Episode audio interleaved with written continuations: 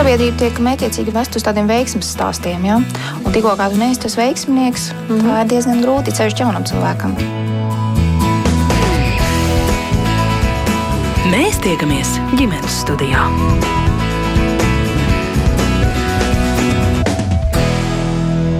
Sakāt?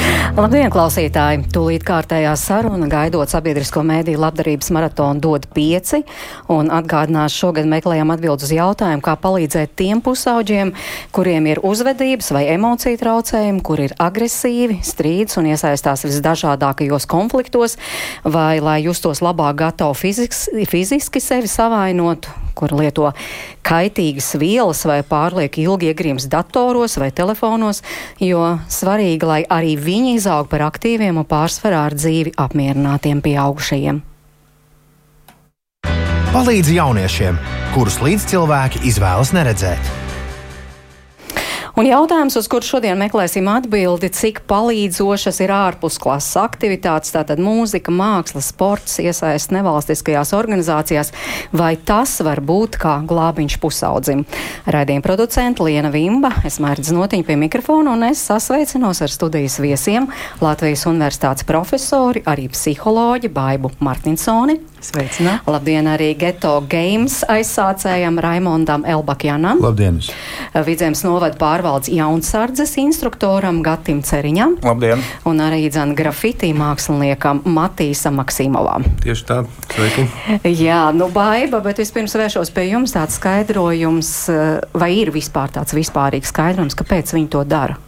Viss tas, ko es sākumā teicu uzvedas ne tā, kā būtu jāuzvedas, ne tā, kā varbūt lielākā daļa sabiedrības vēlētos. Nu, vai trakāku jautājumu jūs nevarējāt uzdot, vai ne? Tad jau būtu mm, tāda, tāda dievišķa atbilde vajadzīga uz to. Bet nu, varētu... vismaz ir kaut kādas dažas uh, atbildes uz šo jautājumu. Jā, nu, pieņemsim, viena, viena atbilde varētu būt tieši saistībā ar šodienas tēmu, ka ja pusaudzis nevar izveidot sakarīgu un pozitīvu identitāti, tad, tad izveido negatīvu identitāti. Ja tu skolā esi pēdējais, atstumts ar mācībām, netiec līdzi, nesaņem varbūt tādu atbalstu, tev nav nekāda brālība kaut kur ārpusē.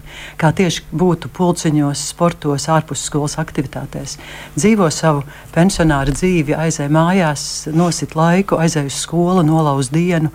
Un, un patiesībā tas jautājums ir kas tad es īsti esmu, trūkst jau orientieri, lai izveidotu tādu identitāti, ka tu saproti, ar ko tu, ar ko tu vispār vari izcelties. Un, ja nevar izcelties ne ar ko sakarīgu, tad pamazām sāc izcelties ar savā aprindās ar kaut ko, no nu, ar ko tu vari. Nu, pieņemsim, ka es vienkārši principā nemācos, vai es dzēru aliņu un braucu ar mocīti bez tiesībām, un viss saka, oho, kā tu varēji, un, un veidojas negatīva identitāte. Tas bet var būt viens iemesls. Bet tātad šie orientieri var būt tas, ko mēs pieminējām uh, - mūzika, māksla, sports nevalstiskās nu, organizācijas. Jā, nu, ārpusskolas aktivitātes pēc būtības jau no mazām dienām. Tā ir vienkārši neatņemama izglītības daļa. Tāpēc, ka ārpusskolas aktivitātēs tu iegūsti vēl pavisam citas prasmes, gan sadarboties ar citiem, lielāk, attīsti citas savas spējas, kas tev ir, ko skolā nevar likt lietā. Un kas ir vēl ļoti, ļoti būtiski, uh, tu pierodi pie zināma režīma un sa saskaroties ar grūtībām, mācies tikt ar viņām galā. Jo tā ir tipiskā lieta, lai kur tu aizietu, vislabākā ģimenē, vislabākā kolektīvā, būs kaut kāds konflikts, ka tev vairs negribās un viss. Un tad ir tas pieaugušo moments, kad tu tev palīdz tam tikt pāri, un tu iemācies vienkārši virzīties dzīvē uz priekšu. Tas ieliek tādu stabilu personības pamatu. Kā, ka tu esi attīstījis maksimāli dažādas spējas, un pēc tam tu aizēji tajā jomā, kas, kas būs tava īstā joma. Raimond, cik svarīgi ir tas, ko Baiba teica, no tā viena niansīta no mazām dienām, ka šo ir jāieliek vai šo ir jāvirza tas bērns jau no mazām dienām? Jā, es gribēju pateikt, Baibai. Jums tik patīkama balss, un, un jūs tik, tik jēdzīgi runājat, ka man liekas, ka jūs varat viens pats principā vest šo sarunu. Jo, jo no mazām dienām Nu, man šobrīd ir astoņu mēnešu vecs bērns, un runājot par šīm grūtībām, tas ir tas, domāju, sākot jau no tā brīža, kad to viņi noliec četrāpus, viņam ir kaut kur jāiet vai jādara bišķiņš pašam, viņš prasās uz rokām. Nu, protams, tu tur negaidi kaut kādu ārprātīgu histēriju, bet tu tomēr nedaudz, nedaudz pavelc. Nu, tu redzi, ka viņš grib slinkot, un tu nedaudz, nedaudz viņam nu, lietas darīt pašam. Nu, tas, tas, kā es savu ceturto bērnu audzinu, ja, ka es saprotu to, ka es caur tādām mazām, mazām lietām. Bet, tā, kad tu jūti, nu, ka viņam jau tā sirsniņa tā sāk sāpēt, tad tomēr tu viņam saki, nē, nē, nu, viss kārtībā, nāc šurp, un, un, un, un mēs atrodam nu, to, tu iedod viņam to drošības sajūtu. Uh, gribu teikt, ka nu, man laikam nu, no tās savas pieredzes jau te teicu, aizstudijā par to, ka man ir tā pieredze tām lielajām skolu maiņām.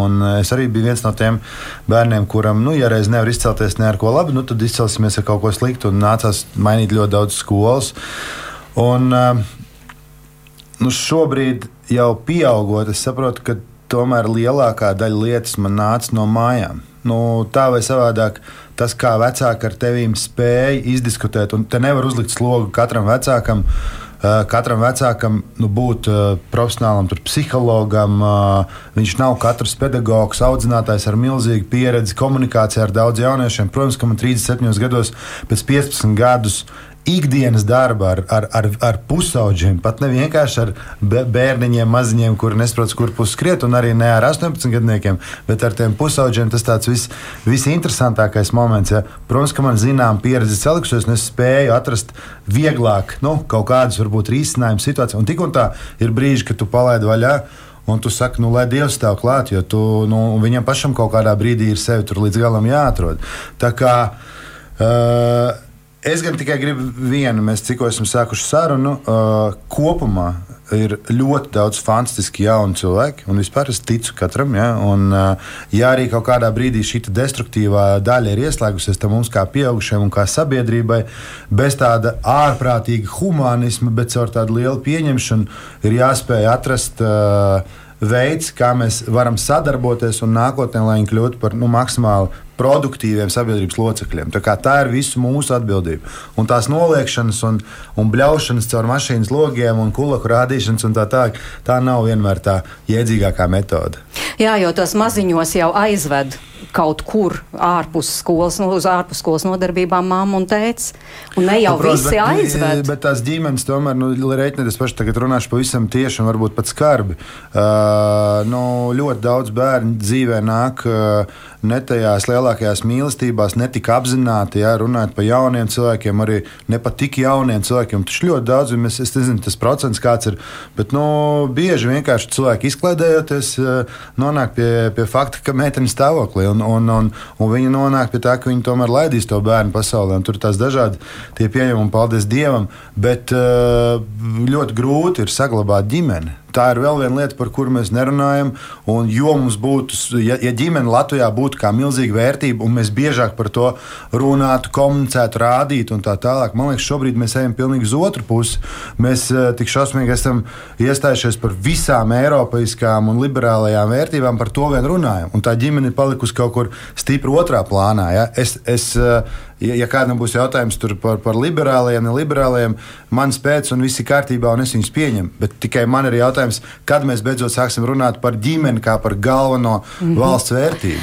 Jā, protams, klausītāji arī drīkst iesaistīties, drīkst jautāt savus eh, jautājumus un arī komentārus rakstīt, bet nu, tiem, kuriem nav tās ideālās ģimenes pusauģa vecums, ir pavēlu saķert to pusaudzi un noturēt, vai visi jau palaist garām? Nekad nav pavēlu. Tikai tad, kad mēs viņu norakstam, tad ir pa vēlu. Un tāpēc ir audzināšanas iestādes, ir cēlus kolonijas un citas vietas, un arī ja tur mēs uh, ar ļoti spēcīgiem un labiem speciālistiem strādāsim, tad uh, mums izdosies viņus atkal un atkal integrēt. Ja tu strādā ar jaunieti, ja tu esi pedagogs, ja tu vispār kādu audzini vai iesaisties tajā, tu nekad nedrīkst padoties. Tu nekad nedrīkst padoties. Tas ir nu, tā mans tāds pieņēmums, nekad nepadodos tajā. Mm -hmm. Gati, jums ir tāda pieredze ar tiem jauniešiem, kuri jau nu, ir pārkāpuši to robežu, vismaz Jā. Eh, pagātnē bija saķert un noturēt. Var? Eh, jā, ir tā, ka ja mana, mana pieredze tāda, kad es sāku pēc vidusskolas beigšanas, arī nebija domāts, nu, ne vidusskolas es beidzu Jāņu mūžu un domāju, viss, nu, strādāšu kolhozā, bet dzīve sagriezās tā, ka bija jāsāk strādāt ar jauniešiem, kā militārā jomā, jaunsardze. Un tad arī dzīve piespiediet mācīties, ja, arī esmu pabeidzis Rēzaktas augstskolu. Esmu sociālais pedagogs, arī esmu praktizējis kā sociālais pedagogs kādus, kādus piecus. Bet tad nu, pārsteidzos pilnībā uz, uz jaunsardzi. Un tad, ja, tad tā pieredze, kāda man bija sākumā, kad nu, es ar tāds zaļš gurķis un īsti ar jauniešiem nu, bija jāsāk pašam mācīties līdz kā atrast to pieeju pie lai viņi, lai viņi mani pieņemtu. Un tad, nu, teiksim, tās, tie, tie pirmie jaunieši, kas, kas nāca, varbūt tie ir, nu, tie ir 23 gadi atpakaļ, un bija šī savādāks laiks. Bija. Bet, bet uh, īstenībā, nu, darboties jaunsardzē, jaunsardzē ir laikam, nu, teiksim, viena um, laikam, no, no retām lielākā jauniešu organizācija, kur ir bez maksas. Arī jaunsardzē nāk jaunieši. Uh, tie, kuri varbūt nevar atļauties eh, aiziet uz kaut kādu citu nodarbību, ja kur ir jāmaksā. Un tad eh, nu, nevienmēr tur ir tie zelta gabaliņi, kas atnāk. Un tad ar, ar tādiem tā pieeja man kā arī kā sociālam pedagogam, es domāju, ka man bija nu, vieglāk ar viņiem saprasties un saprast to, kāpēc viņš dara tā un kāpēc viņš nu, ir, ir varbūt savādāks un kā dabūt un noturēt viņu tajā, tajā jaunsardzē. Uh, lai, nu, lai viņš neaiziet no tā ceļa kaut kur nost. Mm -hmm, bet kādas tad ir tās atbildes? Jo es, starp citu, lasīju pirms redzījuma arī kādu jaunsardzes instruktoru. Viņš saka, nu, šī ir brīvprātīga organizācija, kas grib tas nāk, kas negrib tas nenāk. Tie, kuri tur nemāk uzvesties, necienīgi izturās, nemāk saglabāt to subordināciju, tie taču ir brīvi aiziet un viss. Jā, nu, ir tā, ka atnākot, nu, mums tomēr ir druskuļi to disciplīnu, tā pa, pa stingrāk, un, un tie, kurus, kurus pie tās disciplīnas, nu, kurš nav gatavs uh, pakļauties, tad nu, tie arī ir tie, kas aiziet. Bet to pieeju var atrast un, un saprast uh, nu, arī tos, tos jauniešus. Ja, ja viņš, kā jau arī kolēģi minēja, ja viņš tur bērnībā un ne tai ģimenē viņam viņam ir bijis viss atļauts, un, un, un, un, uh, un te pēkšņi ja viņam ir jāčēlē kaut kādā rāmītī. Ja, tad uh, nu, uzreiz tajā rāmī viņi neieliks. Tad, tad ir jāatrod un varbūt jāaiziet kādreiz skolā un jāuzrunā, kāpēc tu nenāc. Varbūt kā, nu, pamēģinām vēlreiz, jo mēs nu, atradīsim kaut kādu pieeju, atrast kaut kādu praktisko, lai viņš nāk, lai nāk darbojas. Ja viņam nepatīk, varbūt tur kaut kādas lietas, kas ir nu, neteiksim, teorētiskas, bet, bet Un vislabākais tad, jā, nu, uzslava viņam ir vajadzīga. Jo varbūt skolā šiem, šiem palaidņiem ir tā, ka uh, skolotāji, nu, ja viņš ir palaidnis, tad palaidnis visu laiku. Zīmoks, zīmoks, zīmoks jā, un šī, šī ir tā vieta, ja, kur mēs, mēs nezīmogojam, un bieži vien nāk skolotājs un baida, baida ar jaunsardzi. Viņš nemāks skolā uzvesties, viņš nedrīkstēs iet uz jaunsardzi. Nu, kāpēc? Nu, kāpēc jūs nesakāt, lai viņš neiet uz koru vai neiet uz dejošanu? Kāpēc jūs baidat ar jaunsardzi? Ja, tā liekas, nu, kaut kā nepareizi reizēm nu, tās skolas ir ar tiem jauniešiem. Bet tad jūs tomēr esat starp tiem instruktoriem, kas arī pietur tos spurainos, nepaklausīgos. Jā, mēģina un... turēt, jā, un, un jā, viens tāds, tāds piemērs, kad arī jaunieci, bet viņš tāds, ne tas, kas tā, negribētu nākt, bet jau paaugoties, ja viņam tā kā drusiņa arī alkohols garšoja un jau līdz 12. klasē, bet viņam jau palika 18 gadi, viņš iestājās zemesardzē. Mēs viņu tur tad, ja viņu tā kā izrāvām no tās ģimenes. Viņš uz māju aizbrauca uz māju, ja, un tajā mājā, tur tajā mazā miestiņā, ja, tad, nu, draugi visi riņķi. Tad no tās zemesardzes mēs viņu jau tālāk bīdījām uz profesionālo dienestu. Jo zemesardzē viņš tur savu laiku pavadīja, nu, tās brīvās dienas, vēl sestdienas, svētdienas, un atkal savā vidē. Un rotas komandieris saka, nu, mēģinām, lai iet uz profesionālo dienestu. Jā, un satiku, tagad biju parādījis, pats soļoju, un pienācis jaunieks klāt. Viss, viņš ir, ir no tās vidas izrauts un nu, cepuri nostājā jaunietim. Viņš ir nu, prie, priecīgs, ja, kad, kad, kad ir, viņš ir jau sasniedzis kaut ko un sasniegs droši vien, ka vēl taisās iet uz akadēmiju mācīties. Baiba, jūs iestarpinājums klausoties, vismaz tad, kad uh, teica šeit Gatis, ka uzslavas viņiem vajag, tad jūs mājāt ar galvu. Jā, pilnīgi noteikti. Nu, nevis, nevis vienkārši tā kā paslavēt. Bet uh, patiesībā drusku pakāpjoties atpakaļ, ir ļoti, ļoti svarīgi, lai, lai veidotos piederības izjūta jauniem cilvēkam, tur, kur viņš ir. Un ļoti daudziem tā piederības izjūta skolai, vai, vai ģimenei, vai, vai savām vienaudžu grupai viņa ir pietiekami vājināta. Un tāpēc mani uzrunāja tas, ko jūs minējāt, nu, tā attieksme, nu, ja, tu, ja tu nevari iekļauties, nu, tad ej, te nevienam nav jābūt obligāti. Un tas patiesībā tas ir krimināli. Tāpēc, ka, kas būtu tam jaunietim vajadzīgs? Katram bērnam ir vajadzīgs, lai viņa ap, sabiedrībā, kur viņš ir, lai, lai visi no viņa sagaida, ka viņam veiksies. Un to sauc par augstiem sasniegumu standartiem, ko Latvijā izglītībā diezgan vāji saprot. Jo mēs ar augstiem standartiem saprotam, ka ir ārprātīgas prasības, kaut kādas nenormālas, ko neviens nevar izpildīt, puse klase ir nesekmīga un tā tālāk. Bet pēc būtības augsti sasniegumu standarti, tas nozīmē, ka mēs no katra bērna gaidām, ka viņam veiksies atbilstoši viņa spējām. Un tas rada tādu sietu smalku sietu, caur kuru tu nevari izkrist. Mums daudziem tas sirds ir ar pārāk lielām acīm, ka tu vari tik viegli izkrist no sabiedrības. Tev, ja tu nevari, nu tad ej projām, un tā slīcēja glābšana ir paša slīcēja rokās. Tas nozīmē, ka, ka mēs bieži vien, tad, kad pie psihologa atnāk šādi jaunieši, viņi saka hrestomātisku lietu. Man vienkārši jāsaņemās. Un tur var dzirdēt pieaugušo balsis, ka nav reāla atbalsta tiem jauniešiem un bērniem, bet ir didaktiski padomi, kas tev jādara. Tev jāuzvedās, tu nedrīkst kauties. Un mēs, kā ārējie eksperti no malas, tagad, paldies Dievam, skolu beiguši, mēs tagad novērosim, kā tev veicās. Un, protams, ka neveiksies. Un tad, tad, kad ir runa, un tad mēs sakam, nu jā, nu viņš jau tāds. Jo nepārspīlēsim arī to, uh, ka viss nāk tikai no ģimenes, jo skolai ir milzīga nozīme. Un skola dara ārkārtīgi svarīgu darbu šajā ziņā, un patiešām jau dara. Un tiem bērniem, kuriem ģimenē nav atbalsts, tad skola ir tā otra brīnišķīgā vieta, kur viņi var dabūt to piesaisti. Un bērni jau iemācās, ka kurā, kurā kultūrā tev kā jāuzvedās. Tas ir līdzīgi kā aizbraucot uz Šveici. Tev ir viegli būt jaukam, jo visa kultūra ir tāda. Mm -hmm. Un tad ir viegli būt pieklājīgam, tad aizbrauc kaut kur citur un viss ir savādāk. Nu, bet tas reālais atbalsts. Un reālais atbalsts, piemēram, būt? elementārs atbalsts. Tad, ja kādam bērnam ir, uh, ir uh, uzvedības grūtības, piemēram, nu, labi, tipiski klasē, traucē stundu, traucē stundu, traucē stundu. Tad, tu, ja tu vienkārši viņam teiksi, ka viņš beidz traucēt stundu, lai viņš nepļāpā, negrozās, netirinās, nekaujās, nešpiko, pa, patiesībā ko tad lai viņš dara? Viņiem ir jādod pilnīgi citi orientieri jau no mazām dienām. Tev ir jā, jādod pozitīvi uzvedības noteikumi. Ja es gribu, lai tu sēdi vietā, tad sēdi vietā. Ja es gribu, lai tu nekavē, tad ierodies laicīgi. Un tad, kad bērni to dara, tad arī nav jāuztver pozitīva uzvedība par pašsaprotamu. Bet, tas, tas ir tā, tā ir tā uzslava, ka patiesībā mums ir jāatzīst un jāatzīmē uh, pozitīvā uzvedība. Tad, kad viss ir kārtībā, tieši tad sākas pozitīvais pastiprinājums. Nevis tad, kad nav kārtībā. Un tad skolā, tas būs vēl pēdējais, ko es pateikšu, skolā tā, tā ļoti grūta lieta, kad šie bērni saņem daudz negatīvus ierakstus.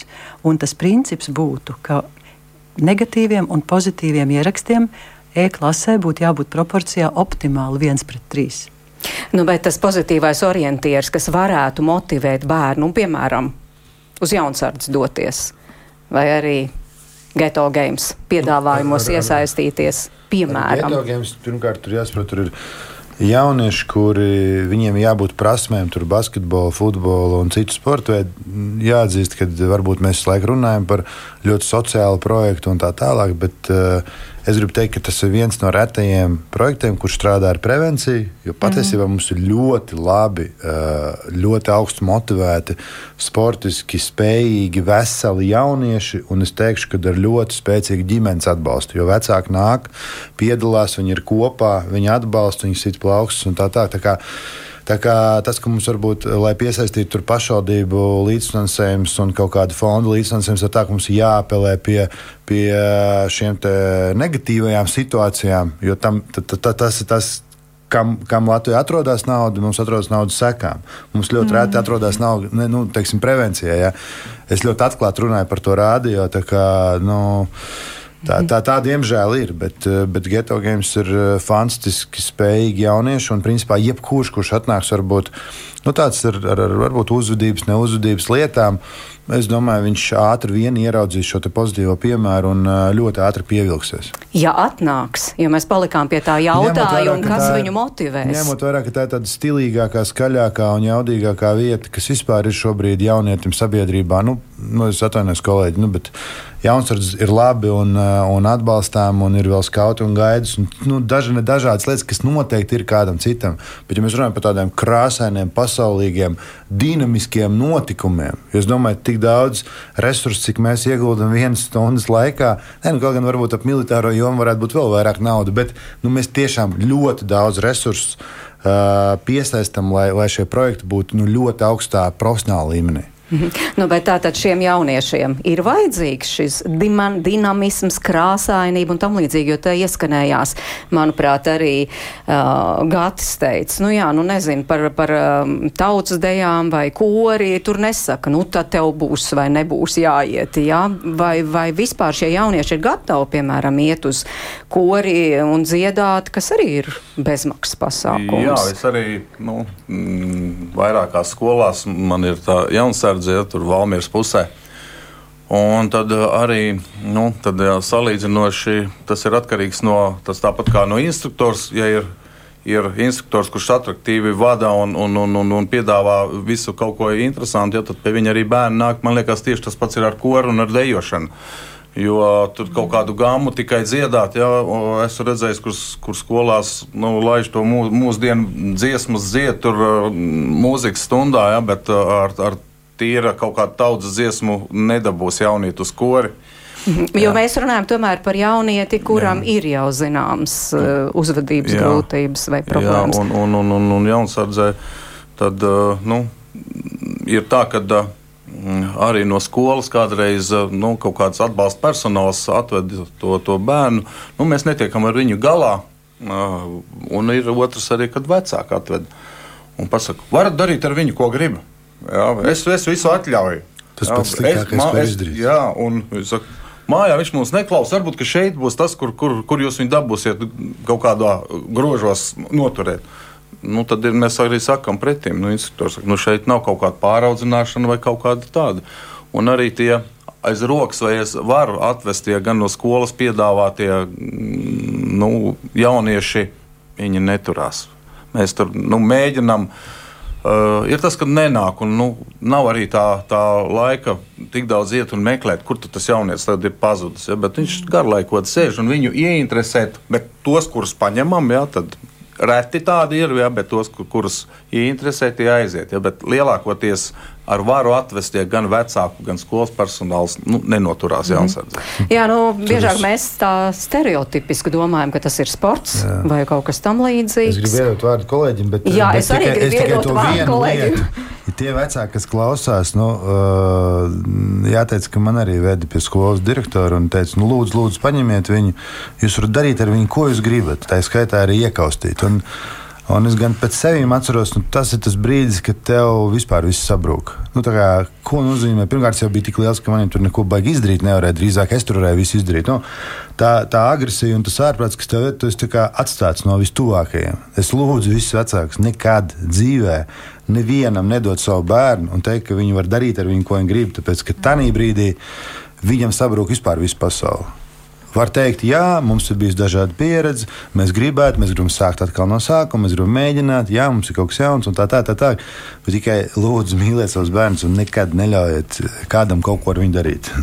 Jā, Matīs, vai māksla arī var būt pievilcīga šiem jauniešiem? Jo Domāju, mēs te runājām, ka, ka vajag kaut ko krāsainu, tādu skaistu. Domāju, ka noteikti jāsāk laikam ar to, ka es pats esmu bijis tāda jaunieša šādā kurš maldās pa pasauli un nezina vispār, kur ķerties un kur, nu, ko darīt vispār. Teiksim, ritīgi sakautrējies, jo jūties tā kā nekam nederīgs, nekas tev nesanāk. Nu, tā kā pa, pazaudējies es sanāku. Un tad vienkārši es pat, es pat to, ka, teiksim, ja jaunietis ies uz kaut kādu iestādi, uz to pa brīvu, tur korī vai kaut kur, es gribētu teikt, ka ir tādi, kas neies. Viņš vienkārši neies, jo es pats esmu bijis tur un es vienkārši nekur negāju. Bet kāpēc? Es visu bērniem teiksim, esmu zīmējis. Nu, man skolā negāja matemātikā, es neko nesapratu. Ne, nu, nekur es nebiju derīgs. Es vienkārši nonspēju laiku zīmēt. Teiksim. Matemātikas kontroldarbā es nodevu kā iznākumu zīmējumu. Man teica, ka neliks tur nekādu atzīmi. Vizuālā mākslā man bija desmit vienmēr. Un tad uh, es maldījos tā arī, var teikt, pat biju nogājis ļoti no ceļa jau nost. Uh, man bija monstru problēmas ar policijām. Nu, visu laiku man bija problēmas gan skolās, arī uz vakar skolā es nonācu. Tur arī man ir metā rapati. Un tad es gribētu pateikt to, ka, teiksim, ka mēs visi esam vēl joprojām tie paši jaunieši.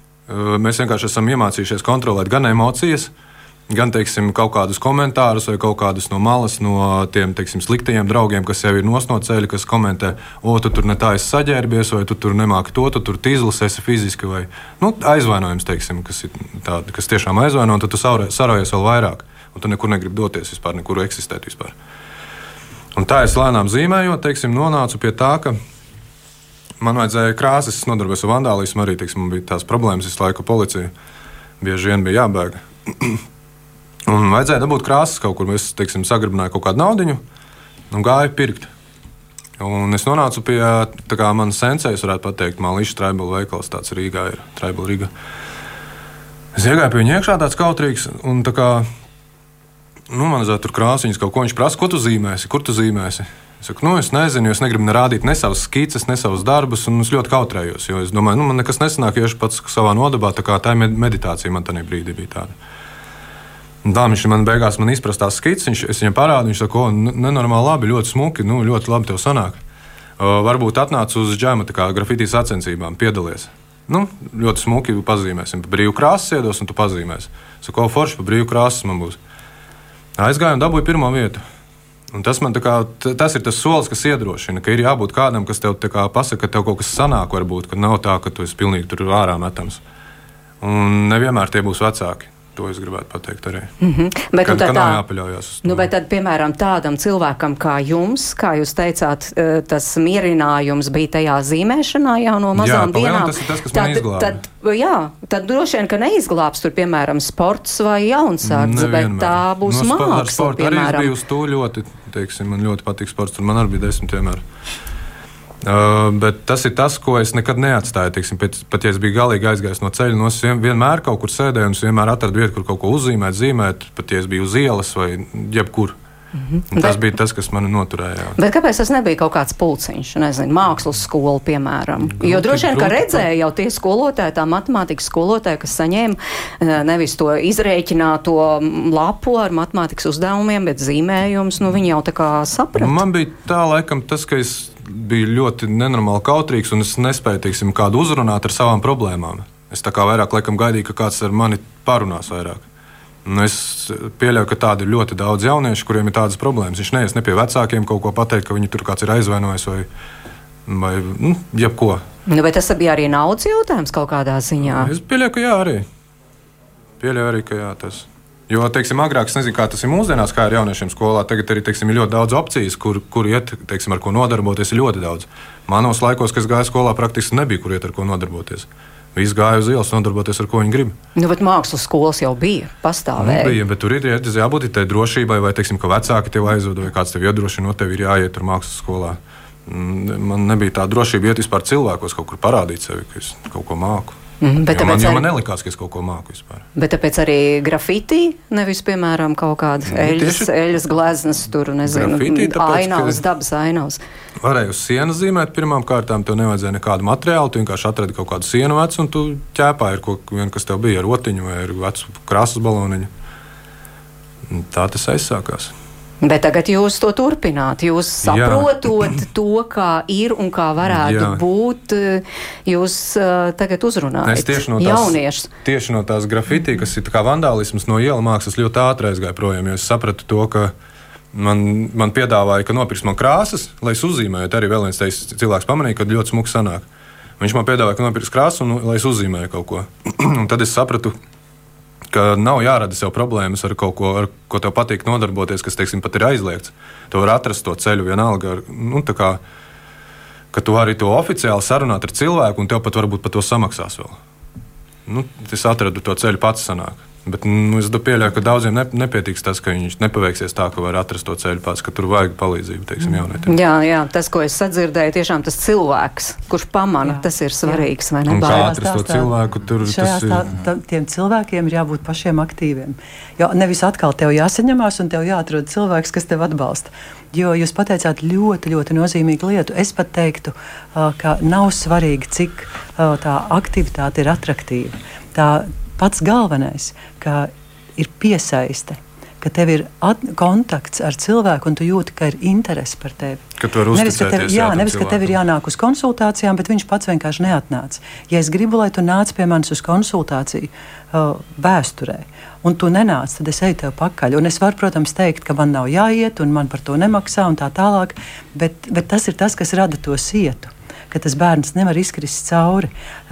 Ja jūs ģimenes studijā arī runājat par dzīves spēku, par resilience, tātad šo spēju, un tie bija viena no pirmajiem pētījumiem, kā vispār ideja par dzīves spēku vai sīkstumu iznāca ārā no materiāla zinātnes un aizgāja uz psiholoģiju.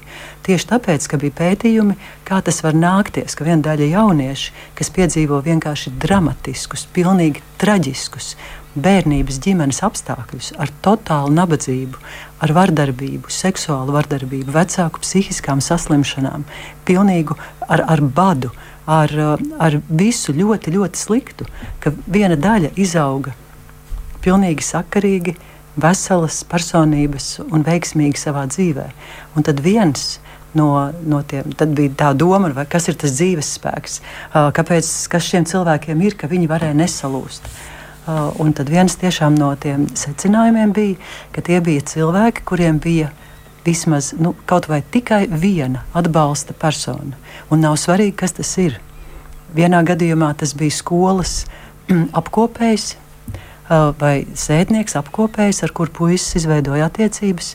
Un, un pēc stundām gāja pie viņa uz viņu slotu nodaļu un, un runājās par dzīvi un kaut ko tīrīja kopā. Viņiem bija komanda, viņam bija piesaista un vispār nevaz, nevajadzēja kaut ko tik attraktīvu, bet viņš tas viņu vienkārši noturēja. Tā kā, tā kā, m, tas noteikti jānovērtē kā ārkārtīgi nozīmīgs aspekts, ka pieaugušie nenolaiž rokas, tā kā jūs sakat. Jo pat tad, kad ir ļoti, ļoti slikti, pieņemsim, pavisam runāsim par visu sliktāko. Pieņemsim, jaunietis uh, regulāri piedzerās, lieto vēl kaut kādas citas vielas, un tu neko nevari izdarīt. Tu nevari viņu apturēt, tu nevari viņu nepalaist. Viņš var tevi aizstumt un, un aiziet tur, kur viņš grib. Tad, tad ko nozīmētu nenolaist rokas? Tas nozīmētu palikt dzelžaini savā vecāka vai savā pedagoga lomā. Un neteikt, nu, ka tur jau nekas nebūs, vai, uh, un, un ko nozīmē palikt vecāka lomā. Tas nav nekas jauks. Tu vienkārši brauc un savāc viņu kārtējo reizi un vedi viņu mājās. Tas ir līdz nākamajai reizei, un, un tad ir varbūtība, kā tas varētu arī atrisināties. Gati, jā, vai, vai Raimondas? Jā, Raimondas. Es varbūt maz piebildu. Man bija atbalsta persona 14 gados. Es tikai tā neuztvēru, ka, varbūt, ka tas cilvēks man tā ļoti ved. Nu, tā, man bija viens tēva draugs, kurš ir Valdemārs Rēvalds. Un viņš man tik daudz dzīves gudrības, ar tik interesantiem stāstiem izstāstīja. Nu, tādas, un, uh, viņš mācīja vienkārši atrast man uh, to zināmo pieeju. Un es vienmēr saku, ka tas ir cilvēks, kurš man vispār sāka veidot kaut kādu, atvēra man durvis uz nu, kaut kādu apziņu. Jo pirms tam bija no robežu mērīšana, tur ar narkotikām, alkoholiem un tā tālāk. Tu vienkārši mēri robežu. Tas ir jaunietis, tu esi nedaudz kļūst jau destruktīvs. Nu, ko nu darīs, kā nu darīs, nu sāks mērīt visas iespējamas robežas. Un, tāpēc es, es, es, es, es saku, es gribu pateikt, ka. Mm, Bieži vien arī, arī pedagogi mēdz sabiezināt krāsas, jo no tā, ka tur kāds jaunietis uh, vienreiz, otrreiz tur vai piedzērās vai kaut ko izdarīja. Ja, nu, mēdz būt, ka mēs metamies virsū ar kaut kādām jau ārprāts, ārprāts. Nu, tagad viss ir beidzies, tas cilvēks ir sācis tur kaut ko lietot vai kaut ko darīt. Te arī jābūt tādiem ļoti prātīgiem, jo, jo tu cilvēku dēļ tā, ka viņš tā ir izdarījis, tu sāks viņam stāstīt, ka viņš tāds ir. Tikai tāpēc, ka viņš tur pieskārās, pamēģināja vai pārkāpa to robežu vai vēl kaut ko nu, tad ar augstu varbūtību viņš tajā destruktīvā drīzāk iekāps nekā tu pateikt, nofiksēs. Jā, ir situācija. Bet kas bija mūsu galvenais mērķis dzīvē? Dziedāt, dejot, darīt, strādāt. Ok, pamēģināju, ko sapratu, kāda secinājuma.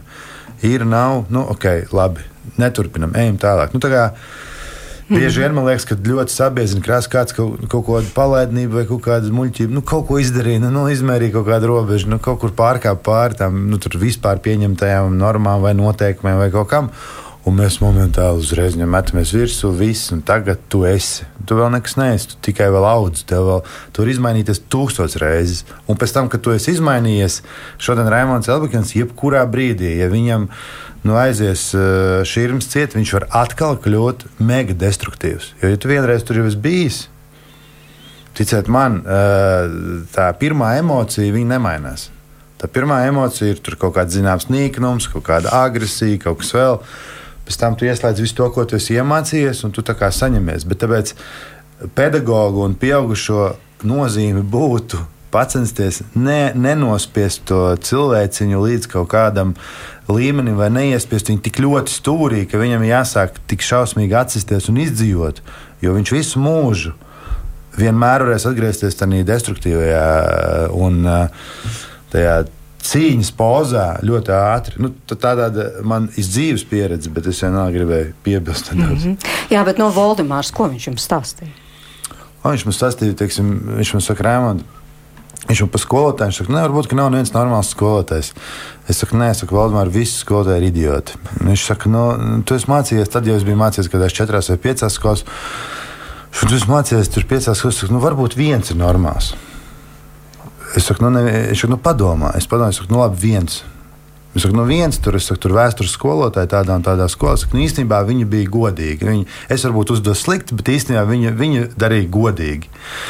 Tā mēs tikām līdz četriem skolotājiem, piecās skolās. Nu, arī pedagogiem ir liekas, jāzina šī statistika, ka nu, ir vērts uh, padomāt, nu, kad, ja tā jājūtās ir cilvēkam, kad ir tikai četri normāli piecās skolās, tad kaut kas arī nav līdz galam kārtībā. Var, protams, viss norakstīt uz manu nespēju atrast normālos, bet nu, ok. Un uh, viņš saka, redz, Raimonds, veseli tomēr četri, nu kādā tur pusstundā vai 40 minūtēs. Šak, tāpēc nav tāds vārds nekad. Nu, nevis nekad, bet nav vārds visi. Saku, visi nevar būt idioti. Vienmēr ir izņēmumi. Un teiksim, nu, tādas dažādas dzīves mm. gudrības caur stāstiem un piemēriem. Tā tā. Jā, es gribu atgādināt klausītājiem, tad pie mums ne tikai geto gēmas aizsācējs Raimons Elbakjāns, arī Latvijas universitātes profesore, psiholoģa Baiba Martinsona, Vidzemes novada pārvaldes jaunsārds instruktors Gats Ceriņš un grafitī mākslinieks Matīs Maksimovs. Un, un tomēr tas temats eh, mūsu, tas centrālais, uz kuru gribam rast eh, atbildi, ir Nu, vai tiešām tā māksla noturēs, vai mūzika noturēs, vai, vai sports noturēs, vai šādi jaunsardzi noturēs to jaunieti, nu, kurš jau ir uz tās robežas. Nu, tad kā dzīvot tālāk? Un uh, es, starp citu, arī kaut kā ļoti aizdomājos par šo jautājumu, jo nākamnedēļ mums būs uh, ģimenes studijā saruna ar Jāni un Līgus krastiņiem, un viņiem arī ir tā, nu, viņi sev sauc par atkarīgiem. Viņi jau vairākus gadus nav atkarīgi, bet viņi ir ģimene. Viss tā kā šobrīd kārtībā ir bērni nodibinājuši centru, kur palīdz citiem atkarīgajiem. Un tad, kad Jānis stāstīja par savu pieredzi, to jūs arī nākamnedēļ dzirdēsiet, viņš teica, nu jā, viņš arī viņam bija sports un tēvs viņu ļoti virzīja. Viņš bija desmit cīņnieks, pie tam ļoti veiksmīgs tur vēl kaut kādās izlasēs. Bet tas tomēr viņu nenoturēja, nu tas alkohols bija un pēc tam jau narkotikas un pārējais. Vai mēs tik droši varam teikt, nu ja būs tas sports vai būs tā māksla, tad viss būs kārtībā. Dzīve nav lineāra. Ja tas būtu tik vienkārši, tad jau, tad jau mums viss meistarība būtu rokās. Tas, tāpat arī kādreiz vecāki saka, nu, ja mans bērns trīs gados runā pretī, kas tad man viņš jāpiežmiedz, kas tad vispār būs, ka viņam būs 15 gadi, ja? bet nu, tas jau nav tik lineāri. Un tieši tāpat mums nav tādas garantijas dzīve. Uh, dzīve ir, ir daudzveidīga, un, un vecāki, ļu, tas bija ļoti labi, ka šim cilvēkam bija, bija tāds foršs tēvs, jo, jo vecāka loma jau, jau īstenībā balstās tikai uz trīs vaļiem. Tikai trīs lietas vecākam jādara. Viss, tā, tas jau būtu tik viegli. Pirmā lieta tev ir, tev ir jāmīl savus bērnus un jāparāda viņam, ka, ka tu viņu ka tu viņu mīli un jārūpējas par viņu, jābūt gādīgam, emocionāli gādīgam. Otrakārt, tev ir jāliek robežas un jāpieskata, viņš jāmonitorē, jādisciplinē. Un to vajag katram bērnam, lai viņš augtu. Robežas un prasības. Un treškārt, tev ir jārāda sakarīgs paraugs. Tev ir jābūt par paraugu savam bērnam. Un, un tikai tikai šīs lietas. Tāpēc arī ir tik ļoti, ļoti svarīgi, lai vecāki atbalstītu izglītības iestādes un atbalstītu skolu. Uh, lai, lai nebūtu nu, patiesībā, jo, jo visi bērna audzinātāji kaut cik sadarbojās, jo tas bērnam veido to sietu, caur kuru viņš nevar izkrist cauri. Un, un vienkārši tā, mēs, mēs samazinām. Nē, kā lai pasakā, tas ir samazinām vai palielinām uh, to pieļaujamības robežu, ka tu, nu, ka tu noiesi no ceļa. Mēs vienkārši samazinām to iespēju. Un mēs nevaram pateikt, ka vienmēr būs tā, jo tās ir atkarības vielas. Un ne jau visu nosaka audzināšana. Ir arī bioloģiskie faktori, iedzimtie faktori. Un, un mēs nezinām, tāpēc labāk ir baidīties un nemēģināt, jo mēs nezinām, ko mēs darītu. Ja mēs visi tagad pamēģinātu kādas vielas, ko neesam lietojuši, tad jau tikai redzētu.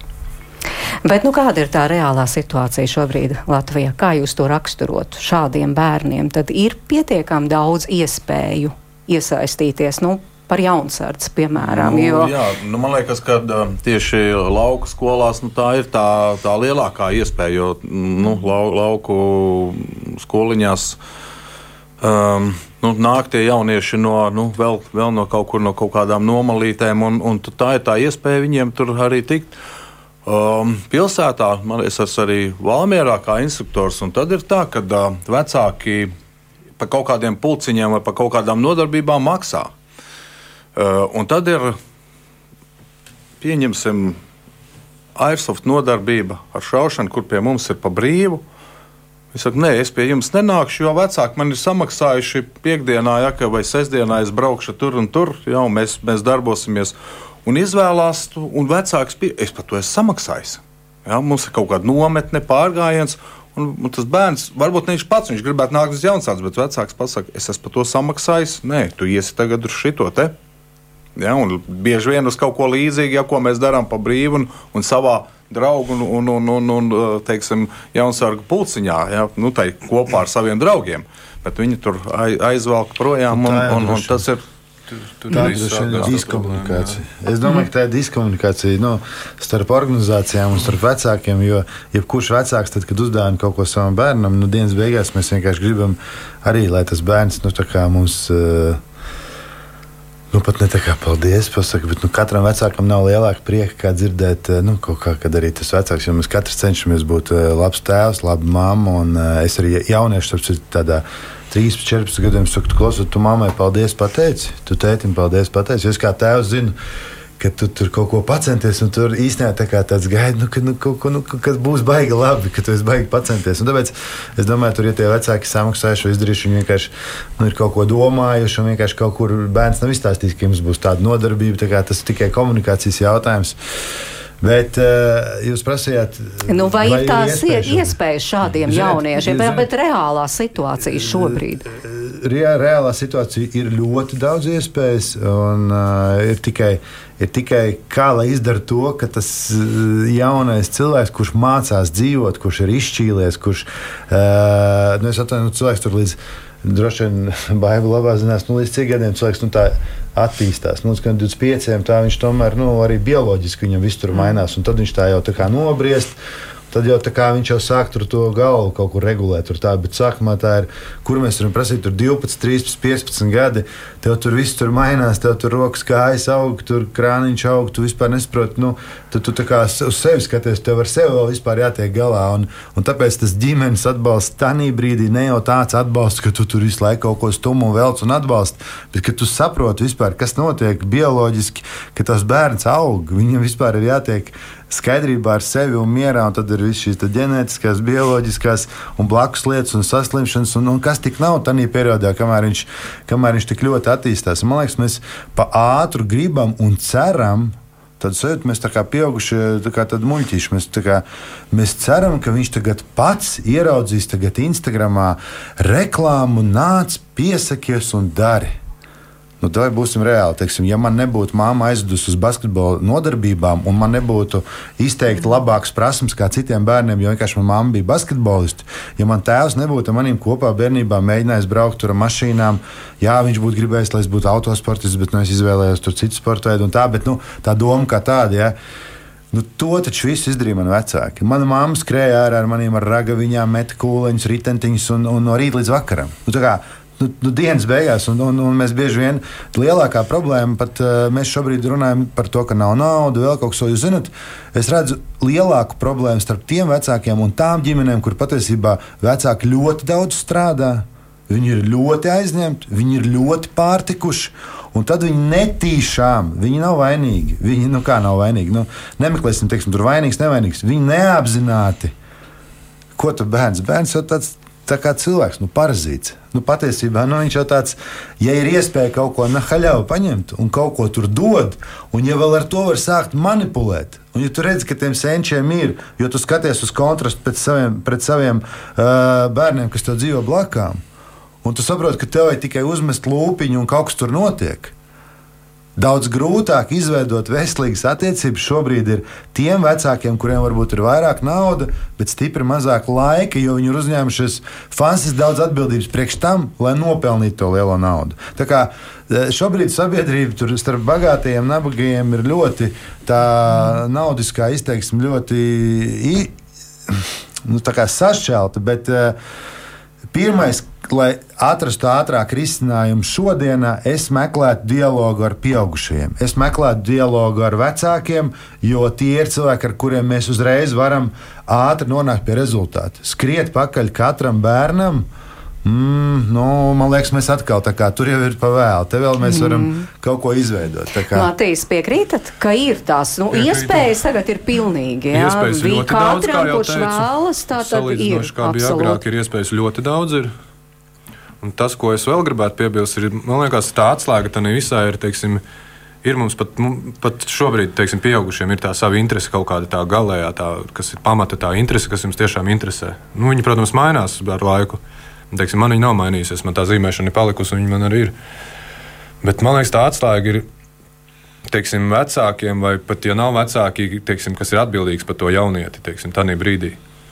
Parunāt ar viņu, Bet ne tieši parunāt, bet tieši ieklausīties un paklausīt viņu. Teiksim, kas, kas viņam sāp, vai teiksim, nu, teiksim, ko viņš vēlētos tiešām no sirds. Teiksim, pat, ja, teiksim, kā Reku kolēģis teica, ka ir iztikusi ģimene, ir nauda, līdzekļi ir, un teiksim, redz, ka bērns ir fiziski spēcīgs, tad tu būsi sportists. Viss tu būsi sportists, un viss tev jāiet un jādara. Viņš varbūt grib glaznot vispār. Nu, viņš man viņš kautrējās to pateikt. Tad es reizēm redzu, būs domas kādas, kā draugiem, sāks domāt draugi, un sāks smieties, un viņš tur grib glaznot kā tā. Mm. Es domāju, tā atslēga tā ir, ka, teiksim, vajag būt cilvēkam, kas tiešām uzklausa, ieklausās tādā jaunietī. Vai, Tas bet... ir pamats. Jā. Vai, vai mēs no visiem, kuri vada, nu, pulciņu vadītāji vai treneri un visi šie cilvēki, vai mēs no viņiem varam prasīt? lai viņi tā kā pamana arī šos spurainos, šos, ar kuriem ir grūti strādāt, un, jā, un nav baigi forši. Un, jā, un, un, un, un tā kā prasīt, ka ar visiem. Un, Ziniet, viņi arī pamana. Īstenībā skolotāji jau, jau ļoti daudz ko pamana. Pētījumi saka, ka 75% no visādām bērnu problēmām pamana tieši pedagogi jo viņi pavada, pavada ļoti, ļoti daudz laika kopā. Bet te ir arī viena būtiska lieta, par ko mēs jau runājam gadiem Latvijas izglītībā, kā lai mēs pārietu no šīs simptomātiskās pieejas. Pirmkārt, tātad mums ir akadēmiskā mācīšanās sekme, sekmes sasniedzamie rezultāti, reitingi, individuālie reitingi, skolu reitingi, viss, kas rada, uh, kas rada un uztur hronisku un toksisku stresu izglītībā. Un jāsaprot, ka izglītības daļa ir arī ne tikai zināšanas, bet arī personības attīstība un arī labklājība. Jo mums nav vajadzīgs, lai tie bērni vienkārši noturās skolā un aiziet pēc tam dzīvē kā apdauzīti. Mums ir vajadzīgs, lai viņi, lai, lai viņi var to potenciālu, kas viņiem ir, lai viņi var komunicēt ar pasauli, lai viņi var, var ieguldīt pasaulē. Un tam ir vajadzīgas sociāli emocionālās prasmes. Un tāpēc mēs jau gadiem uz šo strādājam, ka, ka ir jāpāriet no tās intervenciju pieejas, ka tad mums ir tagad mobbings, meklēsim mobbinga programmu, nu mums ir zema motivācija, meklēsim motivācijas programmu, tāda simptomātiskā ārstēšana. Bet, ka mēs ejam uz tādas uh, jau preventīvas sistēmas veidošanu, ka mēs jau no bērnu dārza, no mazajām grupām bērniem mācām gan spēju saprast uh, savas emocijas, gan spēju pašam regulēt savu uzvedību, gan empātiju, spēju ieskatīties, ja paskatīties no otras perspektīvas, uh, spēju izturēt citu viedokli. Kas nesakrīt ar manējo, spēju sadarboties ar tiem cilvēkiem, kuri man nepatīk. Uh, risināt problēmas, pieņemt lēmumus, tās ir visai dzīvē fundamentālas sociāla-emocionālās spējas, prasmes. Un, un tikko mēs varēsim šo Eh, kārtīgi integrēt mūsu izglītībā. Tas notiek jau nedaudz, bet vēl nepietiekami. Tā, tā mums jau būs viens milzīgs buferis. Ir pilnīgi skaidrs, zināms, 85% bērnu šādas universālas preventīvas programmas, kas nav nekas vairāk kā gatavas audzināšanas, jeb klases stundas. Tas neprasa apgriezt programmu ar kājām gaisā. Mm -hmm. Un, tad, tad ir tās sarunas par, par dzīvi, par interesēm, par pavisam kaut ko citu.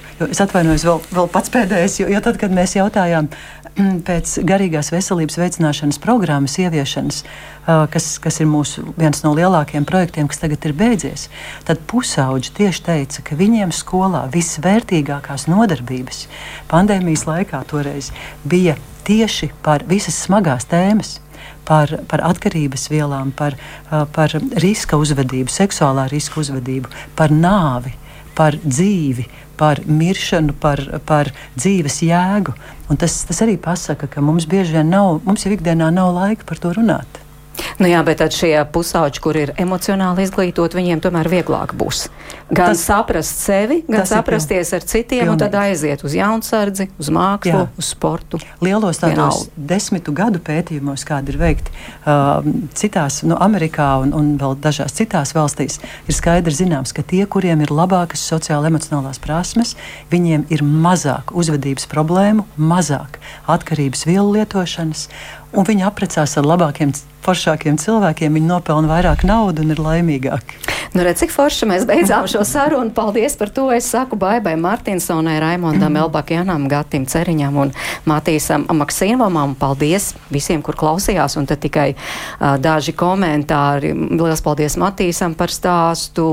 Te arī citi piekrīt. Jā, arī līdzīga pieredze, ka, piemēram, no dzīvē palīdzējis, vai nu, kā, kā te Kaspars raksta no purva izvilk tieši vīri darbā, kuri strādāja blakus, un tie bija labāki pedagogi nekā tie tur skolā, vai arī tāda šausmināšanās nu, tiešām par vecākiem, kā viņi reizēm nesaprot savus bērnus. Nu, tāda ir dzīve. Paldies uh, raidījuma producentei Lienai Vimbai, arī Arnoldam Auziņam un Mārtiņam Paeglim pie skaņu pults. Man sauc Mērķis Noteņu un lai jums labs dienas turpinājums. Paldies, ka klausījāties!